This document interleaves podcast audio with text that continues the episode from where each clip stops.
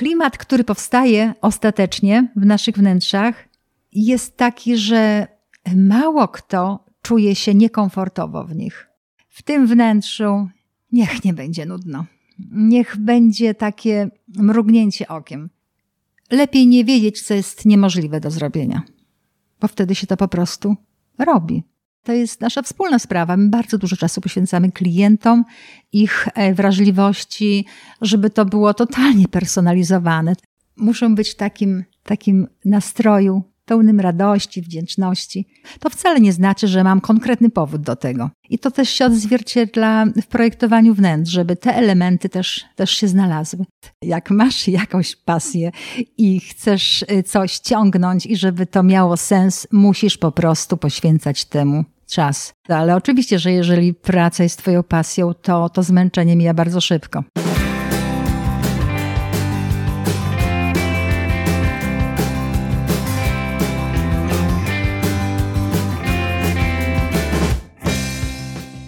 Ty tu tworzysz to podcast o odkrywaniu i rozwijaniu kreatywności w różnych dziedzinach życia. Co tydzień usłyszysz w nim rozmowy z twórczymi osobowościami, poznasz ich drogę, motywacje i metody, a na koniec otrzymasz praktyczne porady do zastosowania od zaraz. Słuchaj, jeśli chcesz doskonalić swoje kreatywne zdolności, rozwijać siebie i budować lepszą rzeczywistość. Ja nazywam się Robert Pranagal i zapraszam Cię we wspólną podróż.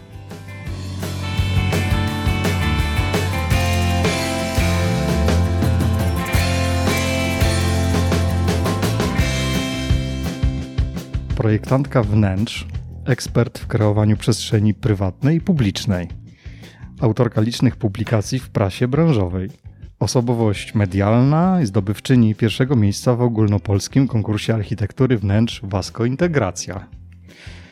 Odznaczona medalem prezydenta miasta Lublin za wspieranie młodych talentów artystycznych w Stowarzyszeniu w stronę sztuki. Prowadzi własną, kilkuosobową pracownię projektową wnętrz AB Studio, tworzącą projekty przestrzeni mieszkalnych i publicznych, które otrzymały prestiżowe tytuły m.in. Miejsca Inspiracji. Przed Wami Anna Bedlicka-Gość. Dzień dobry, dziękuję za takie przedstawienie.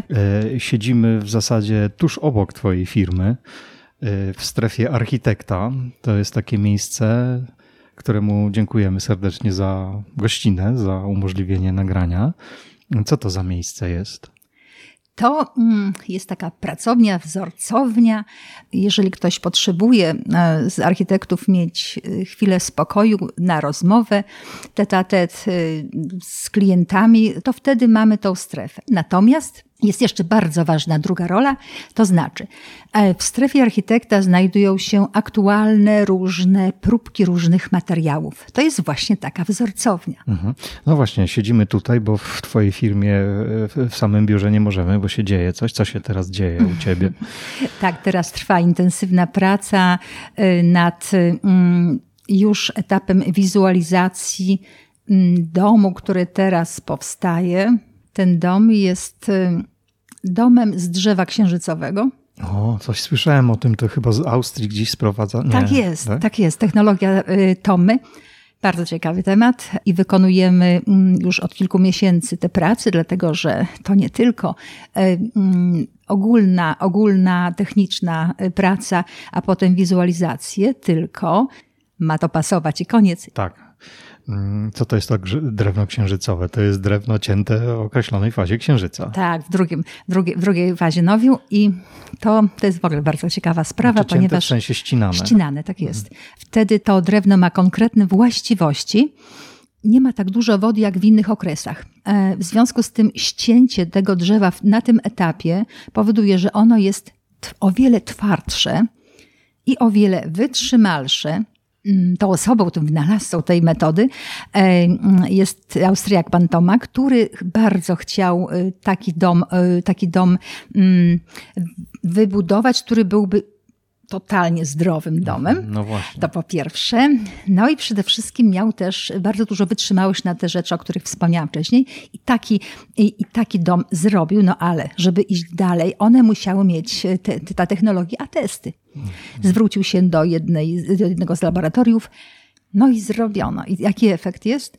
Że ściana e, z, wykonana z drewna księżycowego jest bardziej wytrzymała przy pożarze niż ściana z betonu. To niemożliwe. Tak, brzmi to jak bajka, ale takie są efekty w Austrii tych doświadczeń. Po czym zrobiono testy na wytrzymałość od wstrząsów. Wykonano te testy i co się okazuje? Że ten dom nie mógł otrzymać tak szybko, jak on chciał tych atestów. Dlaczego? No bo już poddali maksymalnym wstrząsom, a ta chałupa kilkupiętrowa stoi nadal za mocne. W związku z tym troszkę zepsuł konstrukcję i dzięki temu wreszcie runął i wreszcie mógł dostać mm, atest, że przy takiej a takiej skali konstrukcja ulega, ulega e, roz, rozbiciu, ale dopiero przy takiej skali. No to niesamowite. Ja słyszałem rzeczywiście o niezwykłych właściwościach tego, tego drewna, ale nie myślałem, że to jest aż tak. Tak, jeszcze ma, no przede wszystkim a propos zdrowia, te ściany są y, mm, uzyskiwane w ten sposób, że się łączy pod różnymi kątami, powiedzmy plastry mhm. drewna, ale się ich nie skleja, tylko się je łączy kołkami. Mhm. No jest to bardzo ciekawa technologia i nie ma kleju. To też tak. zobowiązuje architekta wnętrz, żeby miał z tyłu głowy to, że żadnych klei, które mają więcej tej chemii niż naturalnych składników nie może używać. W ogóle jak najfajniej by było, gdyby nie używał. No ale mimo wszystko, no, czasami jest to po prostu niezbędne. Ja mam taką refleksję, że wspominam swoje młode czasy i wtedy nikt praktycznie nie wynajmował architekta wnętrz czy projektanta wnętrz. To się zmieniło nie? w ostatnich latach. Tak. Y, taka polaryzacja nastąpiła, można powiedzieć, ponieważ Projektanci wnętrz są potrzebni zarówno przy trudnych, dużych e, realizacjach reprezentacyjnych, jak i tych małych mieszkaniach, gdzie młodzi ludzie mają określoną bardzo wąską kwotę, no i chcą nie popełnić zbyt wiele błędów, ale chcą mieć też świetne pomysły, jak to zrobić. I to jest dobry krok, że proszą biura e, projektowe, żeby im pomogli. I to jest ta jedna, jedna część klientów. Wtedy właśnie tworzy się te wnętrza z tym konkretnym budżetem dla tych ludzi, które bardzo często wyglądają nie dość, że funkcjonalnie, komfortowo i przytulnie, to tak jakby ten budżet był zdecydowanie większy. No cóż, mamy to doświadczenie, wiem jak to osiągnąć i nie popełniać tych błędów, które też kosztują. Natomiast, natomiast właśnie te duże rzeczy, no to wiadomo, to już jest, no, to są, to są realizacje bardzo wymagające już o, mm, pracując na innych materiałach. No bo panuje takie przekonanie, że usługa projektanta wnętrz czy architekta wnętrz to jest nie tania sprawa. To jest oczywiście względne natomiast jest na pewno tańsza od wszystkich tych błędów, które no właśnie, popełniamy. Dlaczego, dlaczego mimo wszystko warto zapłacić jednak? Wiesz, ja, ja mam e, takie skojarzenie z górą lodową. Na przykład powiedzmy, że budujemy dom. Hmm? Potem zajmujemy się wykończeniem tego domu i tak naprawdę zostaje nam tylko malutki czubeczek tej góry lodowej. To jest naprawdę pestka. Ale pod spodem, pod wodą jest ta większa część góry lodowej. A co to jest? To są te rzeczy, na które się narażamy, kiedy nie mamy takiego doświadczenia jak, jak projektanci. To znaczy, swój czas zamiast pracy, którą wykonujemy, angażujemy do pracy z wykonawcami na początku, z projektowaniem tego wszystkiego, poszukiwaniem tego, tych rzeczy, no więc to jest konkretna, konkretna praca, która bardzo, bardzo męczy klientów. Sporo mamy klientów takich, którzy na etapie takiego budowania domu samemu przychodzą do nas z prośbą, żeby ratujcie. to dalej pociągnąć, ratujcie. Tak jest. Y, y, po prostu boją się, że, że to już jest zbyt, zbyt mm, trudna sprawa i wtedy sobie zdają sprawę, że to jednak, mm, to jest jednak bardzo duża odpowiedzialność, szkoda pieniędzy i czasu na błędy. Oczywiście, że wolimy i zdecydowana większość jest osób takich, które myśląc o budowie domu, czekając na klucze do nowego mieszkania, apartamentu, zgłasza się do nas, żeby już z nami pracować. Nie ma, jak zawsze powtarzam, e, czasu zawczesnego. Mhm. Zawsze to jest dobry czas. Mhm. I powiedz mi, e, dla takiego człowieka, który jednak się uprze i stwierdza, ja chcę sam zrobić, nie? No to, to co byś mu poradziła? Ja wiem, że to jest trochę mm, e, e, nieopłacalne, można powiedzieć, dla ciebie, ale jednak taką radę. Nie, jednak... Jasne. Przecież nie, wszyscy, przecież nie wszyscy potrzebują i nie wszyscy się zdecydują, mhm. ale bardzo dobrze, żebyśmy te wnętrza mieli jak najpiękniejsze dla nas, tak najbardziej komfortowe i funkcjonalne. I oprócz tego, żeby mm, koszty wydane na te wnętrza były realne dla nas osobiście, bo przecież są różne, różne potrzeby i możliwości finansowe. Mm, co ja bym poradziła? No. Mimo wszystko pamiętania o tym, że są pracownie, y, są architekci wnętrz, którzy świadczą usługi konsultacji. My się na tym wszystkim musimy znać, no i możemy wtedy poradzić. Wtedy po prostu jest to porada, godzina, to godzina, dwie, trzy czasami, ale tutaj się podaje pomysły, zwraca się uwagę na błędy, podaje się jakieś rozwiązania, albo prosi się o zaczekanie i kontakt z nami za kilka dni, kiedy na przykład możemy przygotować jakieś mm, rozwiązanie tej sytuacji. Nieraz była taka sytuacja, że ktoś sobie chciał to sam wykonać, poprosił nas o taką konsultację. I po pewnym czasie podziękował nam, że dopiero zauważył, że y, to y, procentowało. Mm, to jest nasza wspólna sprawa. My bardzo dużo czasu poświęcamy klientom, ich e, wrażliwości, żeby to było totalnie personalizowane. E, to zawsze musi być ten czas dla ludzi i wysłuchiwanie ich pomysłów i nie, nie przesadzanie mm, czasami w naszym zaangażowaniu, w tej kreatywności, kiedy mówimy na początku klientowi o naszych pomysłach na wnętrze, bo niektórzy są tak przerażeni, jak słyszą o tym, że to tak jest skomplikowane, mhm. że po prostu. No bo to może przytłoczyć rzeczywiście. Naprawdę może, że, że mają problem, czy to w ogóle zaczynać. I zauważyłam, nie możemy, nie możemy naszą kreatywnością przygniatać. To musi być pewien balans. Mhm. I taki klient y, może taką konsultację zamówić u ciebie. Jasne. Tak? Przez stronę tak, tak, tak. internetową? Jaka tak, to strona tak, jest? Tak, tak. Strona brzmi www.abstudio-design.pl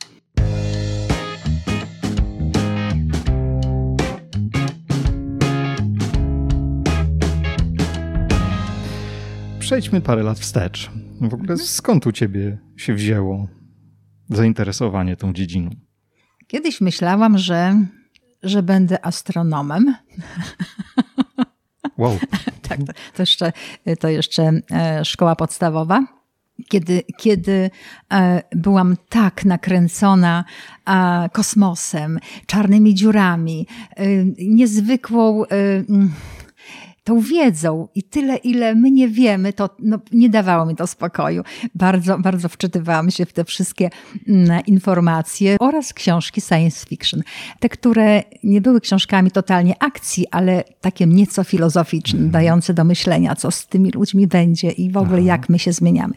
Cały czas dobrze rysowałam, tak pamiętam, jakieś konkursy jako dziecko wygrywałam i to dawało takie poczucie u młodego człowieka, że dam radę pierwszej klasie szkoły podstawowej, kiedy, kiedy malowałam jakiegoś lwa z jakiejś książki, e, podeszły do mnie ciocie i powiedziały, och, jaki ładny lew, ale wiesz, te nóżki tylne, to on ma za małe.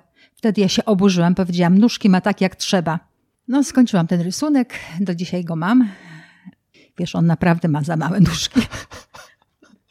ale, ale super jest ta pewność dziecka, że to jest tak jak trzeba i koniec. Ta wyobraźnia była y, równolegle z tymi innymi zainteresowaniami, potem, potem angielski i fotografia i co wybrać, czy to, czy to, czy to, czy to, e, ale jednocześnie ta historia sztuki, jakieś olimpiady. No i no i tak się stało, że trafiłam na historię sztuki. No właśnie, mam takie pytanie, bo historia sztuki, jak to się słyszy, to się wydaje mm, laikowi, że jest, jakie to nudy muszą być, nie? Weź przekonaj nas, że to nie jest tak. Ja, y, ja, takie, mm, ja takie mniemanie miałam o historii, ale historia sztuki dla mnie był już temat porywający. Pewnie to się mm, wzięło z tego, że jako, jako osoba, która była blisko różnych takich wydarzeń artystycznych, sama malowała, sama robiła jakieś wystawy, miała, miałam takowe. E, to, to, to zbliżało mnie do różnych tych, takich zainteresowań i olimpiad i w niektórych miałam całkiem niezłe osiągnięcia. I to mnie tak rozgrzewało, coraz bardziej zainteresowanie rosły. No i, i w końcu zdecydowałam, że albo zdaję na kierunek artystyczny, e, sensu stricto, taki praktyczny, malarstwo, grafikę, albo na historię sztuki. I to no było i, tu w Lublinie? Tak, to było, to na, było, na to było tak, tak, jest. Historia mhm. sztuki była na Kulu, ale zanim ona była, to zdecydowałam się zdawać na wychowanie artystyczne.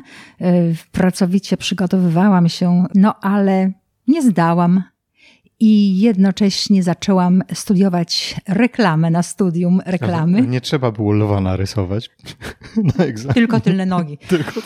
E, no, i, no i cóż, y, mm, okazuje się, że to studium reklamy było pięknym czasem, trwało dwa lata e, i spotkałam świetnych ludzi, świetnych profesorów oraz y, no, niezłe wiadomości i umiejętności nabyłam. Ale już po pierwszym roku tego studium stwierdziłam, że no ta historia sztuki ciągle mnie pociąga. Mhm. I zdawałam, z tym, że nikomu nie powiedziałam o tym. E, I w pokryjomu zdawałam, żeby no, moich rodziców nie rozczarować, żebym nie miała presji. Nie wiem, co tam sobie myślałam, no ale zdawałam, a jednocześnie no niezwykle kochałam góry i, e, i już w nie mocno jeździłam raz w miesiącu na pewno, więc, więc wszystko jakoś musiałam pogodzić. Tam grałam jeszcze jakieś w drużynie w koszykówkę, no ale dostałam się.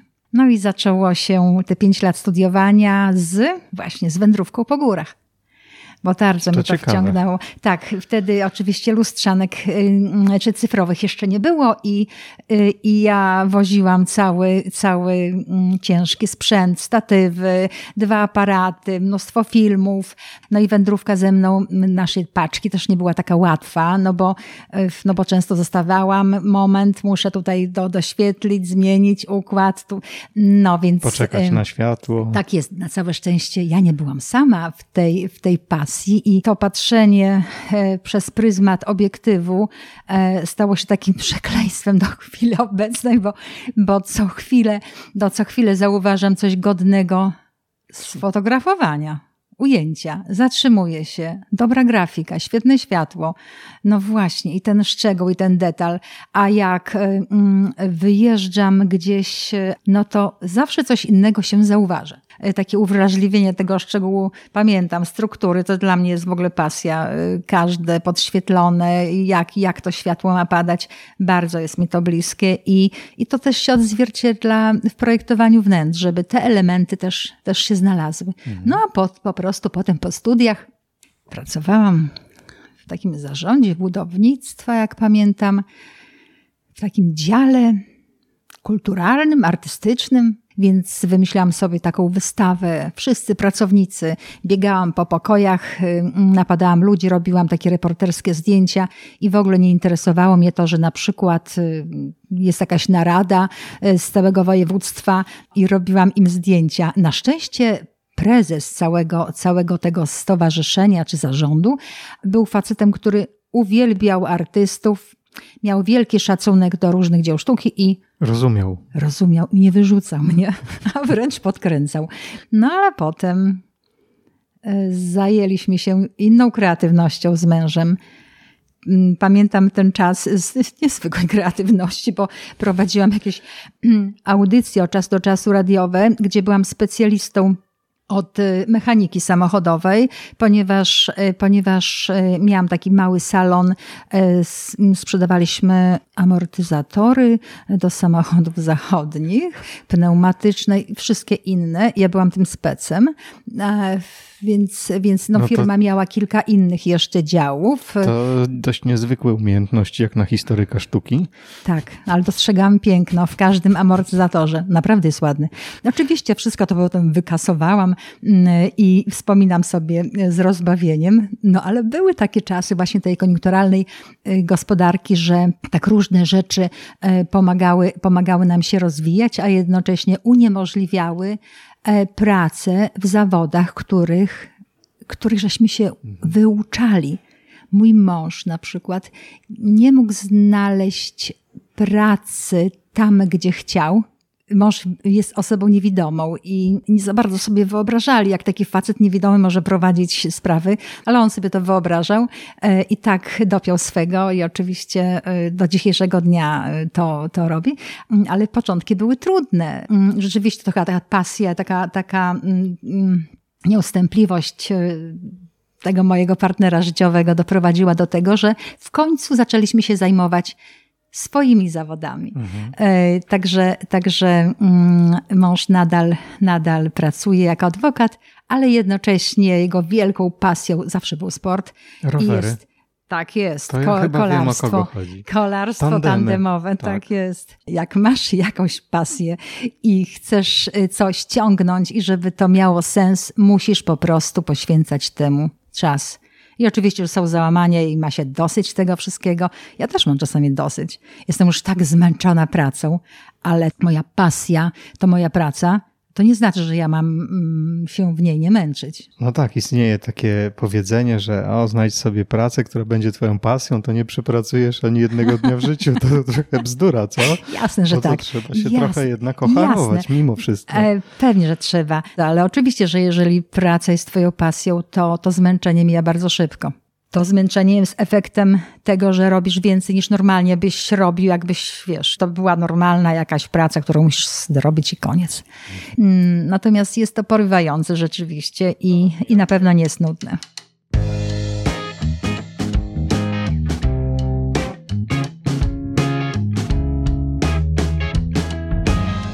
Tobie projektowanie sprawia radość niewątpliwie. Mhm. Tak. I mówisz nawet o sobie, sobie zapisałem, że jesteś ekspertem od czarowania wnętrzem. tak. Co, na czym polega takie czarowanie wnętrzem? To, co masz na myśli? E, tak, e, pamiętam, że tak kiedyś powiedziałam o sobie i tak Teraz to, już krążysz w necie, nic nie poszło. ginie. tak jest. Zadzwonił do mnie klient, który chciał sprzedać mm, mm, swoje mieszkanie, a ten apartament projektowałam kilka lat temu. I powiedział mi, że w tym jego wnętrzu w tym apartamencie czuje się tak rewelacyjnie, codziennie. Jak się budzi rano, to czuje się jakby w jakimś luksusowym hotelu był. To było młode małżeństwo. E, więc siłą rzeczy to nie był high life. To czarowanie wnętrzem to często mm, używanie takich środków, które mm, i pomysłów, które spowodują, że te złe cechy tego domu, bo często jest tak, to jest zbiór super pomysłów i takich nie do końca, akurat dla nas no więc naszym zadaniem jest, no oczywiście nie tylko ta funkcjonalność, żeby to było mega, mega wygodne i piękne i komfortowe, ale żeby się nie starzało za szybko, żeby, żeby też tą przestrzenią trochę zarządzać. No ale, ale też dobrze jest trochę trochę czarować, no bo drugim wyrazem może być trochę oszukiwać, kreować inną przestrzeń.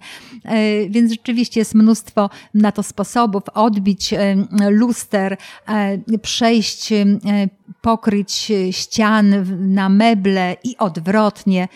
Są różne technologie, różne pomysły, które naprawdę pięknie y, ogarniają mhm. ten, y, ten, te, tę przestrzeń wnętrza i, mm, i naprawdę czarujemy. Mhm.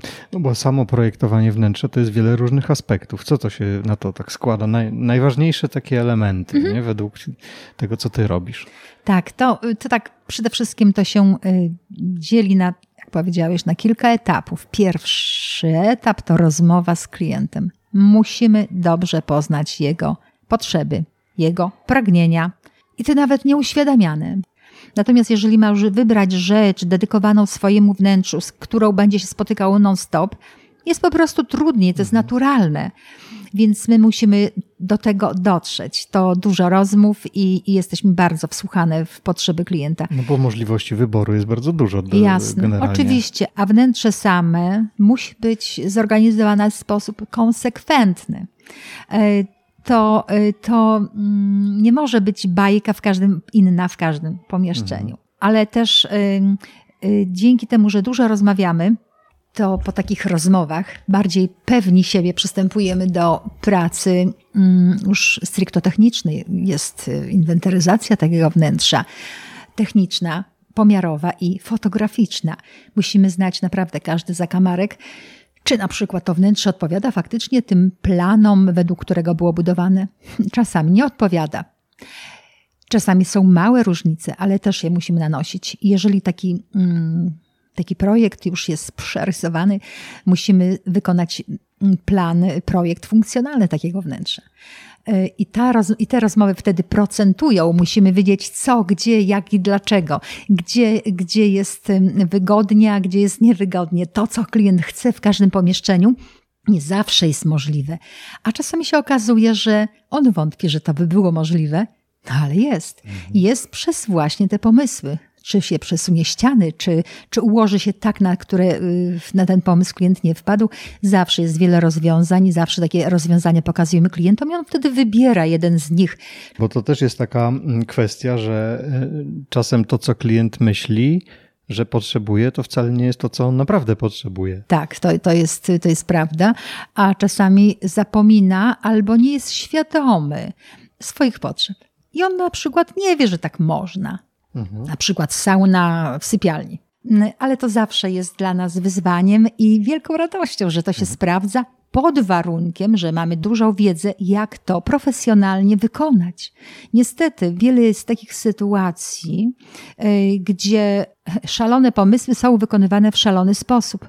Efekt jest smutny, bo to się nie sprawdza, to są problemy techniczne, wszyscy klną na ten pomysł i jest problem. Mhm. No właśnie, a zdarzają ci się na przykład takie, e, nazwę to konflikty idei, że masz, nie wiem, ty jakąś ideę, ale klient ma inną i po prostu nie możecie się zgodzić zupełnie. Czy to... Tak, tak rzadko, że nie jedno, jedną pamiętam e, taką sytuację. Oczywiście, że, że musimy przegadać pewne rzeczy. Na początku nie we wszystkim się zgadzamy. Jak w koncepcjach, e, małżonkowie czasami się nie zgadzają między sobą. Pamiętam taką sytuację, e, gdzie klienci bardzo chcieli wnętrze e, w stylu skandynawskim. Pracowaliśmy długo, klienci byli, byli zadowoleni, Benz nie byli. Już, już byli, znów nie byli. I nie wiedziałyśmy o co chodzi. No, co no chodzi? przecież no styl powszechnie znany, no to było sporo lat temu, więc może nie aż tak bardzo, ale to naprawdę to nie było nic takiego niezwykłego. Wnętrze było konsekwentnie budowane, nam się podobało. I nagle klienci, jakby ośmieleni już tą naszą współpracę, która jakoś trwała czas, zaczęli nam przynosić propozycje. Łóżko z nieohablowanego drewna, y, jakieś intarsje, takie, takie wadiridy mhm. w, stylu, w stylu właśnie mm, skandynawskim. No i co? Zorientowaliśmy się, że na początku ten nasz wywiad był ukierunkowany na sztukę skandynawską, nowoczesną. Ten, ten, ten, ten wzór mm, projektowania wnętrza tej nowej ery, tej takiej minimalizmu, y, monochromatyczności, praktyczności, dobrego wykończenia oni chcieli wnętrze Folk w skandynawskim, bardziej. tak, takim folku. I, nieporozumienie. No, no nieporozumienie. Byłam tak zszokowana z tym, tym, że znaczy nie zdenerwowałam, tylko byłam tak zszokowana, że im o to chodziło. I to było przedziwne, że na początku tego, żeśmy nie wyłapali, w ogóle nie było takich pytań. Dlaczego? Dlatego, że klienci nie zdawali sobie sprawy, że taki, że to, że to się różni. O, mhm. że to się różni. E, od siebie i dopiero jak mieli konkretne propozycje, to im coś nie pasowało. Tak, nie wiedzieli nawet pewnie sami co dokładnie. Tak, także takie mam doświadczenie również. A co to znaczy? Y, że nigdy nie zadość tych rozmów i wnikania w potrzeby mhm. klienta. Bo potem to już my, nie? To, mhm. to potem już robimy już projekty elektryki, projekty hydrauliki, kiedy już wszystko jest sklepnięte, zatwierdzone, a, a my wiemy, że tak można wykonać, przystępujemy mhm. do wizualizacji, do znajdowania potem wszystkich tych elementów w świecie realnym, przeliczania, rozrysowywania wszystkich elementów na podłodze, na ścianach. No i potem, kiedy już jest całość, całość tych teczek zatwierdzonych, przystępujemy najczęściej do nadzoru autorskiego takiej realizacji. Żeby to, co myśmy wymyślili, a klient nam zatwierdził, było zrealizowane z należytą starannością. Także y, Ja na miejscu klienta zawsze chyba chciałabym, żeby pracownia projektowa mm, prowadziła tego. nadzór mhm. autorski nad tą, nad tą y, inwestycją i tak najczęściej jest. Ale czasami klienci się mm, decydują na to, że jednak sami tu będą kreatywni i będą, będą y, na podstawie gotowego projektu to realizowali.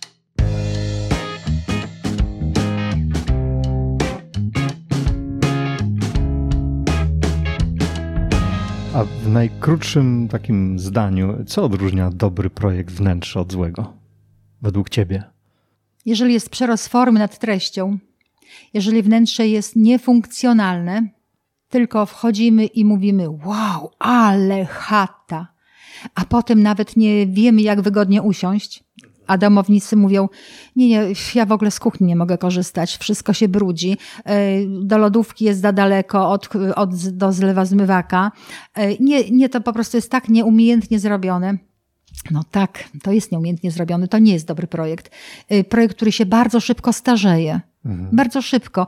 Y, kiedy po trzech latach wchodzimy i my wiemy, o trzy lata temu to było robione, ale to już jak było robione, to już nie było modne. Y, chodzi o to, o takie mocne elementy mm, dekoracji, które bardzo szybko się starzeją. Trzeba być Wychodzą ostrożnym. Z mody po prostu. Tak, trzeba być bardzo ostrożnym. No oczywiście, że to jest jakby wspólny błąd, bo, bo takie błędy popełniają ludzie na początku swojej drogi projektowania wnętrz, ale też y, klienci często y, przyduszają takich młodych architektów wnętrz do pracy, która mm, nie da dobrych efektów. No mhm. i to jest taka, taki zbiorczy mhm. błąd często. A taki najbardziej niewybaczalny błąd architekta wnętrz. Poza tym, że nie słucha klienta na przykład, nie? Hmm, to można na kilku poziomach. Taka rzecz, która przychodzi mi najszybciej do głowy, to to, że klient otrzymuje projekt, z którego jest bardzo zadowolony i mówi: chyba poradzimy sobie sami z tym wszystkim, mm, bo tak nie wiemy, kiedy nawet rozpoczniemy, chociaż najczęściej projekty, realizacje trwają równolegle z projektowaniem, bo, bo, bo taka jest sytuacja, że już ekipę stawiam wcześniej. Natomiast w momencie, kiedy klient chce sobie sam zrealizować i okej, okay, wszystko jest okej, okay, tylko zaczyna źle interpretować to, co jest w projekcie, i na przykład y, tłumaczy wykonawcom, że mogą troszeczkę zmienić, i na biegu jest to zmieniane. I to wtedy proszę mi wierzyć, bardzo często są nieporozumienia, dlatego że po to jest projekt robiony, żeby to była konsekwencja. Jeden pomysł jest, jest wpasowany w ten następny i następny. W momencie, kiedy my zaczynamy grzebać przy tym i to się rozciąga, a nie ma z nami konsultacji, żeby utrzymać tą spójność, no to tak czasami wychodzi, że my mówimy, oj jak szkoda, że to tak zostało zepsute, bo takie było piękne. No bo to są takie nasze dzieci te projekty, nie? I, i oczywiście oczywiście, oczywiście ja pamiętam, kiedy mi było tak szkoda strasznie, że aż łzy miałam w oczach, że klient sobie z, z pozmieniał, a ja tak, tak strasznie y, długo pracowałam i taki był dobry projekt. No więc to są takie emocje, mhm. to są takie emocje, które ma się, nie wiem, czy na początku pracy projektanta, czy to towarzyszy w całym życiu, no ale to jest, y, to jest rzecz, która intensywnie e, towarzyszy wielu osobom. Mhm. A co się składa na styl? Bo każdy projektant ma swój styl w pewnym sensie, nie? Jest coś takiego jak styl pracowni na przykład? Taki wypracowany styl? Myślę, że, myślę, że e, każdy projektant, który mm, jest zaangażowany w swój zawód przez wiele lat, to ten styl posiada. E, ja również. Tylko, że to nie można utożsamiać z takim kreowaniem stylu, jak jest powszechnie używany, że na przykład ktoś y, lubi y, wnętrze pałacowe i to tylko takie pałacowe, takie totalnie glamour wykonuje, w ogóle żadnych innych nie. I jeżeli ja przychodzę, chcę pewien minimalizm, jakiś oddech, czy skandynawski styl, czy, y, czy japonizujący, to i tak ten klient mnie przekona do tego, tego glamour. To nie o to chodzi. E, bo to są konkretne style, które, które ciągle nowe powstają i jesteśmy, jesteśmy wierni temu albo temu stylowi. Natomiast e, styl projektanta, moim zdaniem, każdy może mieć inne, to jest, e, to jest, że my czujemy, że te rozwiązania są bardzo funkcjonalne, ale jednocześnie szalenie piękne dla klienta. Klimat, który powstaje ostatecznie w naszych wnętrzach, jest taki, że mało kto czuje się niekomfortowo w nich. Natomiast wsłuchując się w klienta, uważam, że pracujemy dla niego. Nie możemy mu narzucać naszego stylu. Dlaczego? Dlatego, że to nie jest restauracja, to nie jest biuro, to jest jego indywidualny, e, indywidualna przestrzeń, przestrzeń intymna. I jak on zostanie sam ze sobą, on poczuje, że się źle w tym mhm. czuje. Ten styl czasami można wyczuć e, w miejscach publicznych, po dokładnym przyjrzeniu się. Ja czasami mam pytanie, Aniu, czy tą restaurację to też e, Twoja pracownia projektowała? Notabene e, niedawno zostały mm, rozdane mm, prestiżowe tytuły Miejsca Inspiracji mhm. i kolejne restauracje mm, mojego projektu zostały nagrodzone. Pochwal się. Kiedyś, może tak zacznę od początku, bo pierwszym, pierwszej edycji zostało nagrodzone miejsce, to była Cafe Marie przy Skłodowskiej. Potem następna edycja Parzona. Krakowskie. Krakowskie, tak, krakowskie przedmieście. A w tym roku aż dwie restauracje otrzymały, moje restauracje otrzymały ten tytuł. To jest e, Za kulisami, za kulisami bardzo elegancka restauracja, która e, znajduje się w centrum spotkania kultur. Czarny fortepian, piękna muzyka na żywo, klimat właśnie taki za kulisami. Czerwone obicia krzeseł, foteli, e, czarne zasłony, no i Zapraszam, to zobaczcie no, Państwo. No, tak, natomiast natomiast drugie, drugie miejsce jest też bardzo interesujące, bo usytuowane jest na Starym Mieście Perliczka Gościnność Polska. Mhm. To wnętrze w kamienicy, gdzie kiedyś była pierwsza mandragora, ale pragnienie właścicielki było takie, żeby, żeby jednak klimat był inny od mandragory, bo klienci wchodzą i chcą mandragory, nie wiedząc o tej nowej restauracji. Chodziło o to, żeby oczarować im czym, ich czymś innym. Stąd mój pomysł, żeby te barwy tam były bardzo intensywne, żeby to rzeczywiście się odróżniało e, stylem, ale niezależnie od tych barw, które, które są bardzo mocną stroną e, tych wnętrz, zaproponowałam tam dwie wystawy. Mhm. W jednej sali wystawa prac polskiego kolorysty, który tworzył za granicą Polski, Jana Skorba. Natomiast y, po prawej stronie e, wisiały prace Tymoteusza Toczyńskiego, i te prace to indywidualnie potraktowane y, kamienice Lublina, dachy, takie bardzo mocne y, malarstwo, duże, formatowe. I tutaj bardzo, bardzo to ciekawie zagrało. Więc cała moja radość, że, że zostały te rzeczy docenione, bo rzeczywiście są tego godne. Chciałam jeszcze wspomnieć, że, że czasami te zlecenia nasze są tak odmienne, jakie różne przestrzenie są nam zaproponowane w dosyć krótkim czasie. Na przykład jesteśmy autorem projektu wnętrz targów Lublin. Jednocześnie też mm, prowadziliśmy pracę nad siedliskiem, taką agroturystyką. To jest zupełnie inny klimat oczywiście od takich targów. Lublin zupełnie inne są wytyczne przecież. E, I pracując mocno przy targach, odpoczywaliśmy potem przy, tej, przy tym siedlisku i odwrotnie. Płodozmian. Tak. tak jest, masz rację, to był płodozmian.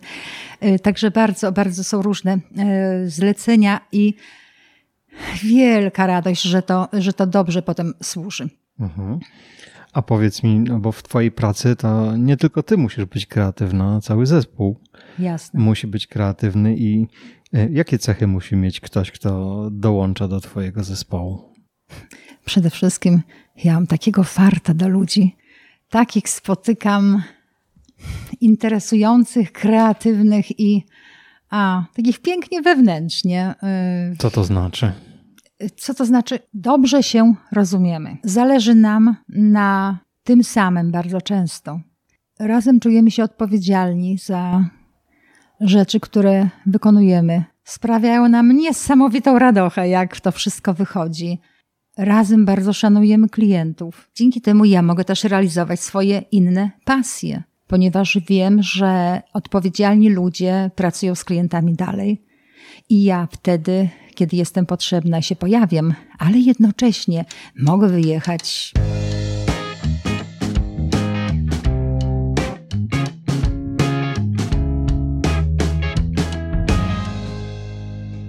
No właśnie, miałem też zapytać o, o takie twoje odskocznie. Mhm. Gdzie uciekasz, jak hmm. już powiedzmy jesteś tak pozytywnie zmęczona swoją pracą i co wtedy? Tak, bardzo lubię podróże. E, Góry lubisz? tak, nadal? szalenie. Tak, tak, nadal, nadal mam taką grupę e, PTT-ku Politechniki Lubelskiej i mm, co roku wyjeżdżamy na taki rajd. To się zawsze zmienia.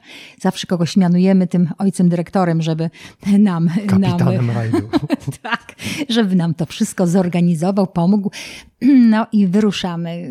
Jest to dosyć duża grupa, często siwe głowy mm, i wcale nie łatwiej jak na studiach. Bardzo ambitne trasy, bardzo piękne miejsca, więc to tak co roku się odbywa przez jakiś tydzień czasu na maksa. Natomiast, natomiast ostatnio Ostatnio sobie tak zrealizowałam e, swoje marzenie. Mm, jakiś czas temu zachciało mi się uczyć się języka włoskiego we Włoszech. Zafascynowana tym, tym, tym mm, krajem bardzo chciałam tam po prostu pojechać, pobyć, wynająć jakieś, jakiś pokój. No i dzięki mojej koleżance w tym roku przypomniałam sobie o tych marzeniach szkoła we Florencji, mm, włoska, y, która uczy właśnie tego języka. No i wiesz, to była dopiero frajda. Spotkać osoby z różnych kontynentów, o różnej kulturze, a jednak łączyła nas chyba radość, takie nawet poczucie humoru, które wydaje się, każdy kraj ma inne, ale śmiałyśmy się do tego samego. Była i y, Amerykanka, były Japonki, dziewczyna z Meksyku, więc bardzo, bardzo różne towarzystwo i bardzo wiekowo różne. Więc takie marzenia mają różne osoby w różnym wieku i po prostu je realizują. Także potem, po, po, po zajęciach, po, po południu, rzucałam się na miasto tak cudowne, przecież tak to się mówi o Florencji, największe muzeum zewnętrzne, bo tam co budynek to, to piękna rzecz. I rzeczywiście to było dla mnie i pod kątem tych wrażeń estetycznych, e, i tak i historycznych, i, i nauki, i poznawania ludzi, i tych detali, i fizycznym, bo wszystko na piechotę, e, i poznawania rodziny włoskiej, bo tam właśnie e, mieszkałam, więc to wszystko razem było dla mnie wielką radością, że mi się to udało zrealizować. Bałam się tam wyjeżdżać, ponieważ ja nic zupełnie po włosku nie potrafiłam. No ale ja odważna jestem osoba i, i już wiele razy się przy, y, przekonałam, że mm, zaufanie do siebie to fantastyczna sprawa i znalazłam się w tym, w tym środowisku. No więc to są takie marzenia, które pozwalają mi troszkę się wyluzować i wtedy cały mój zespół spokojnie pracuje i w takich sprawach mega trudnych czasami się ze mną kontaktują inspiracje. Mówiłaś właśnie o wyjeździe na targi. To jest tak jakby oczywiste, wydaje się, a co jeszcze? Oprócz targów, skąd czerpiesz do swojej pracy? Te inspiracje pochodzą z bardzo różnych poziomów. Czasami rzeczywiście wyczuwamy, co, co teraz jest, mm, albo wiemy, co jest na topie, i wyczuwamy, co u tego klienta by się sprawdziło. To jest bardzo ważne. E, co za szybko by się nie zestarzało, jeżeli są to wnętrza e, prywatne, ale również motywem może być jakiś element w tym domu. Może być jakiś element pasji tego człowieka. E, to jest bardzo, bardzo różne, ale często kolor jest dobrym motywem przewodnim, który w różnych nasileniach powtarza się w tym wnętrzu. No i dla mnie, co jest istotne, no poczucie humoru w tym wnętrzu niech nie będzie nudno. Mhm. Niech będzie takie mrugnięcie okiem. E, to jest dla mnie szalenie istotne. Przypomina mi się taka anegdota, kiedy projektowałam w Wilanowie mieszkanie dla trenera golfa. Ten golf był bardzo istotny dla życia tego faceta. Więc ja tworząc mu to wnętrze, e, już wiedziałam, że ma, mają być specjalne szafy na ten ostatnie modele toreb. On to, to, to żył tym facet. Natomiast rozpędziłam się i zrobiłam fakturę w pewnym meblu, fakturę z piłki golfowej. Mhm. I kiedy żeśmy krok po kroku um, oceniali te kolejne, kolejne etapy projektu, on zobaczył właśnie te meble i mówi: Nie, nie, nie, już nic, nic z golfem w dalszej części mieszkania. Dosyć tego. Czasami się można zapędzić. Tak, rzeczywiście. Mm, a w, jakie trendy na jesień tego roku we wzornictwie obowiązują i w projektowaniu wnętrz? Jest równocześnie kilka trendów, które sobie biegną. I takie może najbardziej mm, łatwym do zauważenia i dla mnie takim mainstreamem jest trend w przestrzeni barw. Są to takie lekko rozmyte barwy. Rozmyte zielenie, błękity, brązy, róże pudrowe, ale to jest te wszystko takie przypruszone. Wszystkie te barwy, o których wspomniałam, tworzą piękną całość, jak się to modeluje we wnętrzu. I po tych żywych kolorach, które były tak modne jeszcze niedawno, przechodzimy na przestrzeń taką delikatniejszą, taką niedopowiedzianą, zamgloną. To jest y, bardzo teraz na czasie. Interesuje mnie taka rzecz jak nowoczesne, te nowe technologie.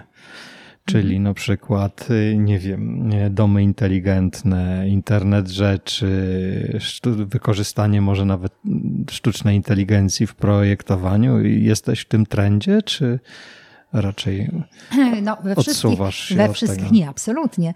E, bardzo, bardzo, bardzo mnie to interesuje śmieję się, że faktycznie jestem gadżeciarą. Z takich różnych rzeczy y, bardzo chętnie korzystam. Natomiast Oczywiście, że, e, że a propos technologii, tak jak smart home, to jest już no, na porządku dziennym i one y, już normalnieją dla y, normalnego zjadacza chleba. I w domu 90-metrowym już spokojnie system domu inteligentnego można zastosować i konkretne korzyści mamy i oszczędność energii, i dobre zarządzanie, i y, y, tą zmienność pod kątem naszych potrzeb. Nie trzeba kuć ścian wtedy. Po prostu przeprogramujemy, zmienimy y, zestaw zewnętrzny. Więc to jest y, bardzo, bardzo teraz częste i zawsze wprowadzamy w klienta w różne technologie, żeby przyjrzał się temu, czy on ma ochotę na to. Przyprowadzamy zawsze specjalistów do pracowni, którzy właśnie w tym siedzą, przybliżają ten temat i wtedy klient może po prostu z rozwagą dokonać wyboru. Świadomie. Bo absolutnie, bo, bo wie, że okej, okay, dom inteligentny, fajna sprawa, kręci mnie to strasznie, ale ja jednak nie. Ja jednak jestem tradycjonalistą. Nie, jednak nie chcę. Okej, okay, ale facet wcześniej usłyszał, jak to wygląda, no i jak to działa. Te nowe technologie ciągle się pojawiają. Bardzo dużo jest różnych technologii, od hydrauliki, poprzez światło, poprzez pokrycia ścian, poprzez meble. Kiedyś nie znano spieków kwarcowych, bo one nie istniały. Mhm a teraz te płyty ceramiczne grubości 3 mm albo i 10 są zastosowane wszędzie. I to jest też rola projektanta, żeby przekonał, sam będąc przekonany, że to ma sens, że użycie takiej technologii albo takiej faktury w tym miejscu, albo zainwestowanie takich pieniędzy w tym miejscu ma sens. Mówi się, że ograniczenia sprzyjają czasem kreatywności, ale w, wydaje mi się, że w Twojej pracy i nie tylko w Twojej pracy coraz mniej tych ograniczeń jest, nie? Coraz większa jest swoboda. Hmm, tak, zdecydowanie jest coraz mniej ograniczeń, zarówno finansowych, jak i technologicznych. Jeżeli chciałam wykonać w pięknym, dużym domu na wyspie w kuchni nalewak do Prosecco, w pięknym designie, no to taki wykonałam. Ja mówię o taki, takim mm, może ekscentrycznym dla niektórych pomyśle, ale jak to fajnie wygląda mm. i jak smakuje no takie tak. prosecco rano, jak to mówiła moja klientka. Więc to, to rzeczywiście, no po prostu jest dobra zabawa domem.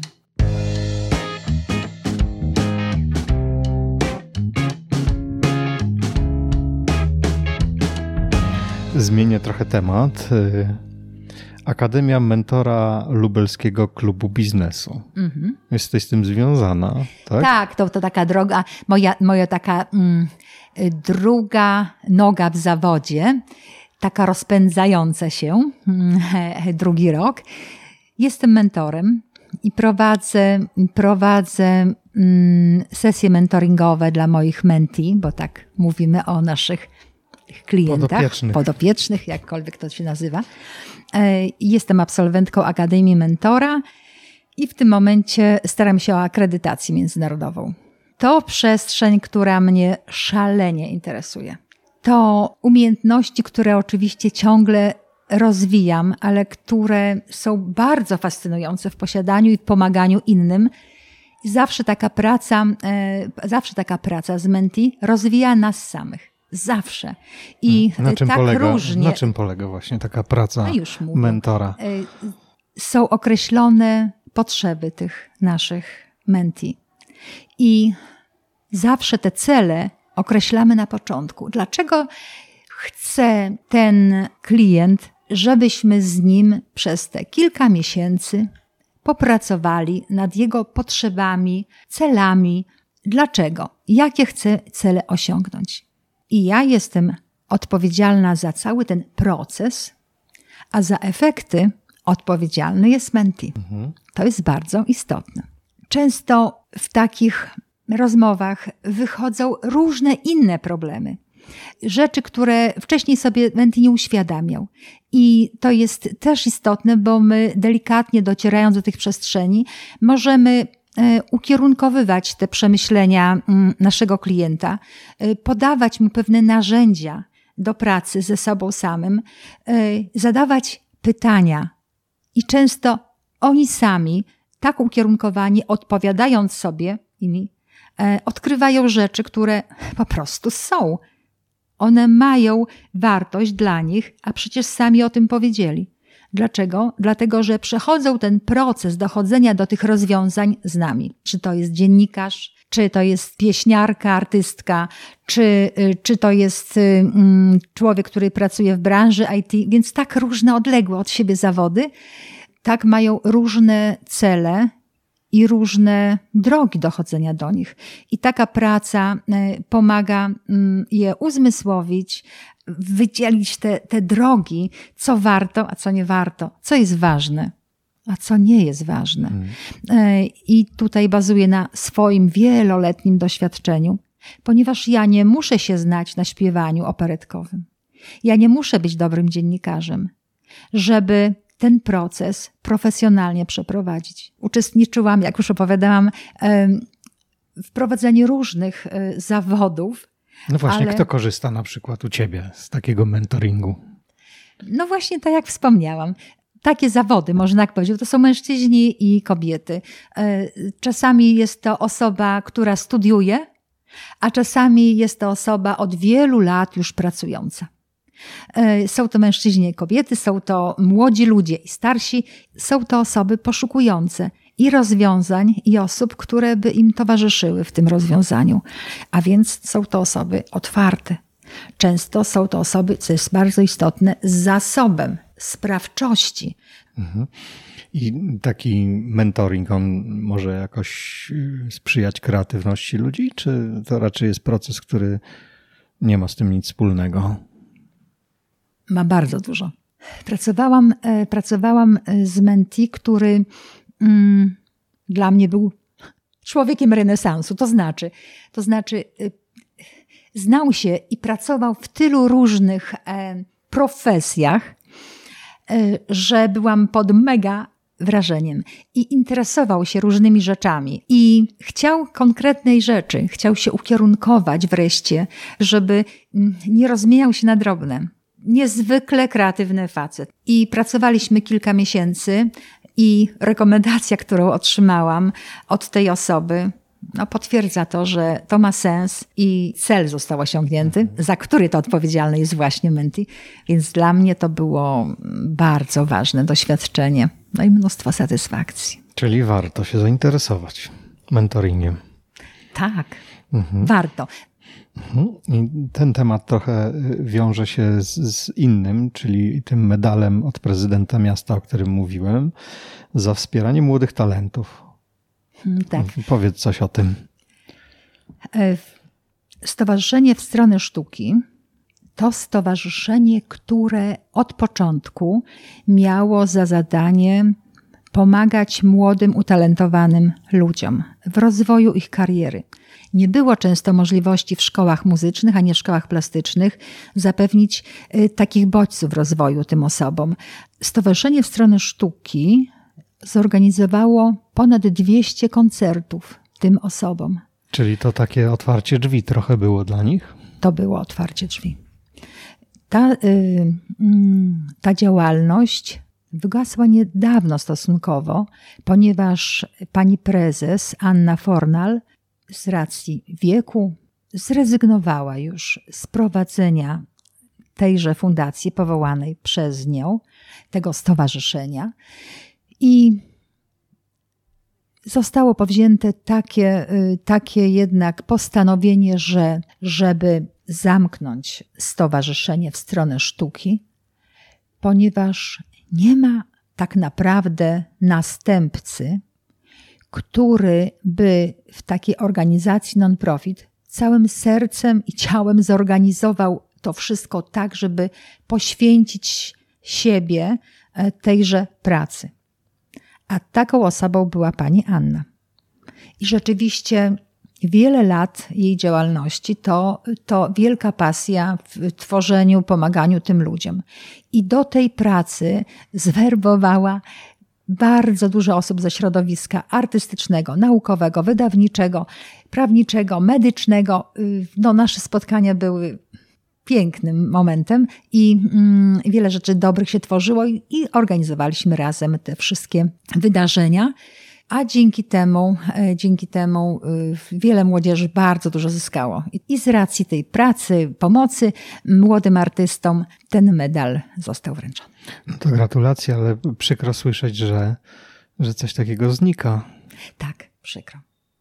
Bo jednak ja rozmawiając właśnie z, z, młodymi ludźmi, czasem słyszę coś takiego, że oni są pewnym sensie zagubieni, nie? No bo idą, kończą szkołę i nie bardzo wiedzą, co dalej.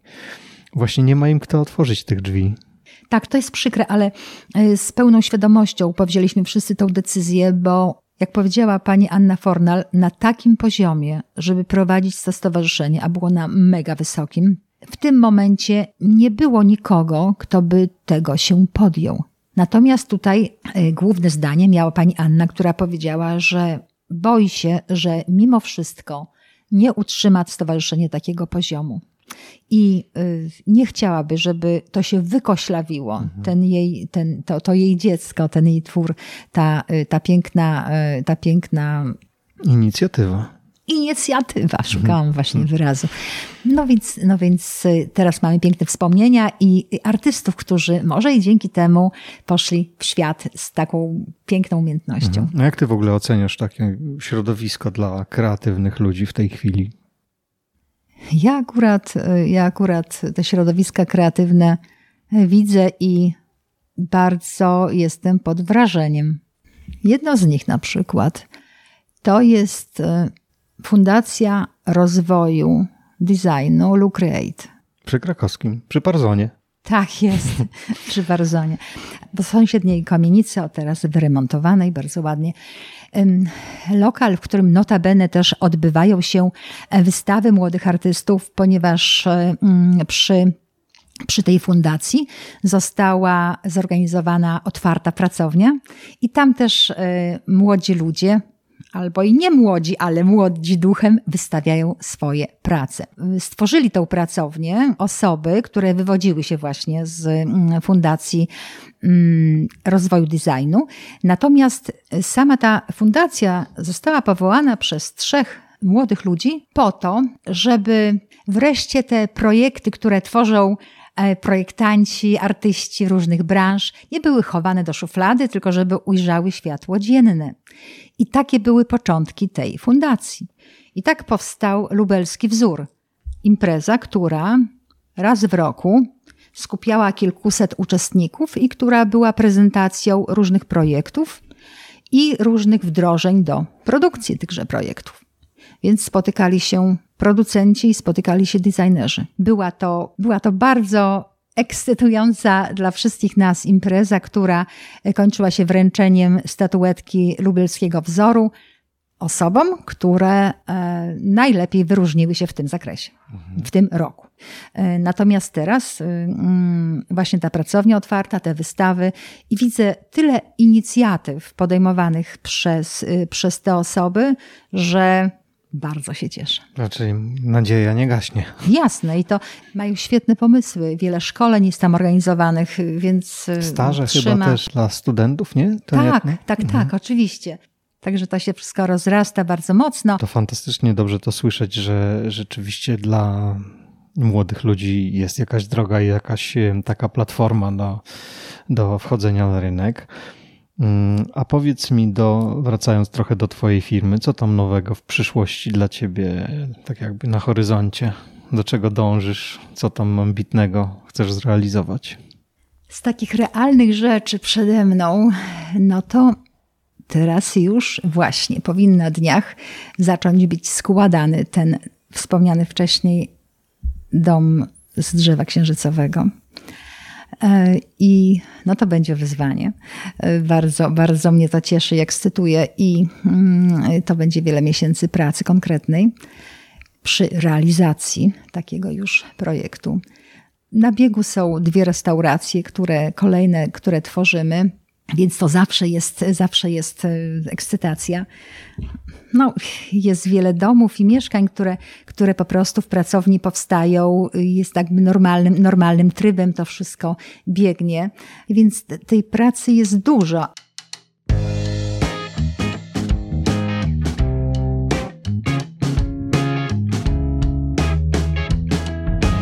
Dobrze, no to na zakończenie pięć szybkich pytań. Pierwsze, w, twojej, Twoim własnym zdaniu doświadczeniu, przemyśleniu, inna niż w słowniku definicja kreatywności? Dla mnie kreatywność, mm, a nie znam oficjalnej definicji kreatywności, ma ogromną przestrzeń na radość, wolność, a takie slow. I wtedy, kiedy, kiedy czuję te czynniki, to e, otwiera mi się głowa, otwierają się emocje i wtedy jest tyle pięknych pomysłów, mm, że e, jesteśmy zaskoczeni. Muszą być w takim, takim nastroju pełnym radości, wdzięczności. Ja bardzo często jestem w tym nastroju. To wcale nie znaczy, że mam konkretny powód do tego, ale czuję w sobie, no właśnie, taką radochę, myślę sobie, z jakiego to powodu i nie mogę znaleźć tak faktycznej przyczyny, a potem czuję wdzięczność, że ją mam, bo, bo to jest taka siła, jakby coś w razie czego, to jeszcze mam te pokłady, e, żeby, żeby różne rzeczy e, prze, przeżyć, a różne rzeczy mnie spotykały. Tak, przecież. to piękne, bo wiem, że niektórzy ludzie całe życie nie zaznają takiego stanu, że są po prostu szczęśliwi bez powodu, jak to się mówi. Fajnie, dobrze. A jedna rzecz, która sprzyja kreatywności, według Ciebie? Moim zdaniem to lepiej nie wiedzieć, co jest niemożliwe do zrobienia, bo wtedy się to po prostu robi. Czyli trochę taka ignorancja. W pewnym sensie pozytywna. Tak. Przez, y, y, przez wiele lat y, zauważałam, że do każdego projektu podchodzę jak takie dziecko z tabula rasa, jakbym nic wcześniej zaprojektowała. To znaczy, nie to, że nie potrafię technicznie myśleć, tylko że jakbym odsuwała te wszystkie projekty dotychczasowo. Bez uprzedzeń, krótko mówiąc. Tak, i wchodziła w ten projekt jakby tak całkiem nowy, taki totalny fresh. I się okazywało, że te pomysły, które mm, y, po rozmowie z klientami, przypatrywaniu się tym rozwiązaniom, y, tym wnętrzom, okazywały się szalenie trafione i wcale nie powielane. Często czuję takie dziecko w sobie, które właśnie tworzy y, no, tego lwa z małymi nogami. Ale I, jest przekonane, że tak ma być. Ale jest przekonane, że tak ma być. I po prostu wychodzi dobrze. Mhm. A jeden morderca kreatywności? To chyba taka nakazowość projektowaniu od strony często klienta. ja od razu zaznaczę, że ja jestem mega wdzięczna moim klientom. Natomiast są osoby, które zupełnie mm, nie uświadamiając sobie, bardzo mocno nas gaszą. Dlaczego? Dlatego, że ograniczają w ten sposób naszą kreatywność, mówiąc nie, absolutnie tak nie może być. Dlaczego? No bo tak. To prawie jak z twoimi nogami u lwa. Tak jest. Nie no to najczęściej. Trafił swój na swego. tak jest, masz rację. W momencie, kiedy, y, kiedy klient bardzo jest związany z tym i koniecznie chce, no to tak będzie. Ale często jednak jest to przeciwko niemu samemu się obraca. I to rzeczywiście trochę gasi tą kreatywność, no bo nie można, nie można, nie można już dalej. Na szczęście zdarza się to rzadko. Więc to jest właśnie takie cięcie kreatywności architektów wnętrz. Dobre wrogiem lepszego. tak jest. To czwarte, jeden sposób na wykorzystanie kreatywności w życiu codziennym. No nie chcę być trywialna, ale dla mnie każdy dzień jest inny. Naprawdę, nie znam poczucia nudy. Bardzo lubię, kiedy codziennie prowadzę sobie dziennik wdzięczności. O, no coś tam. A no to już wiem skąd teraz to szczęście bez powodu. Ja nie wiem, czy to stąd, bo ponieważ jego zaczęłam prowadzić jakiś czas temu, już dawno, zauważając, że coś takiego we mnie siedzi.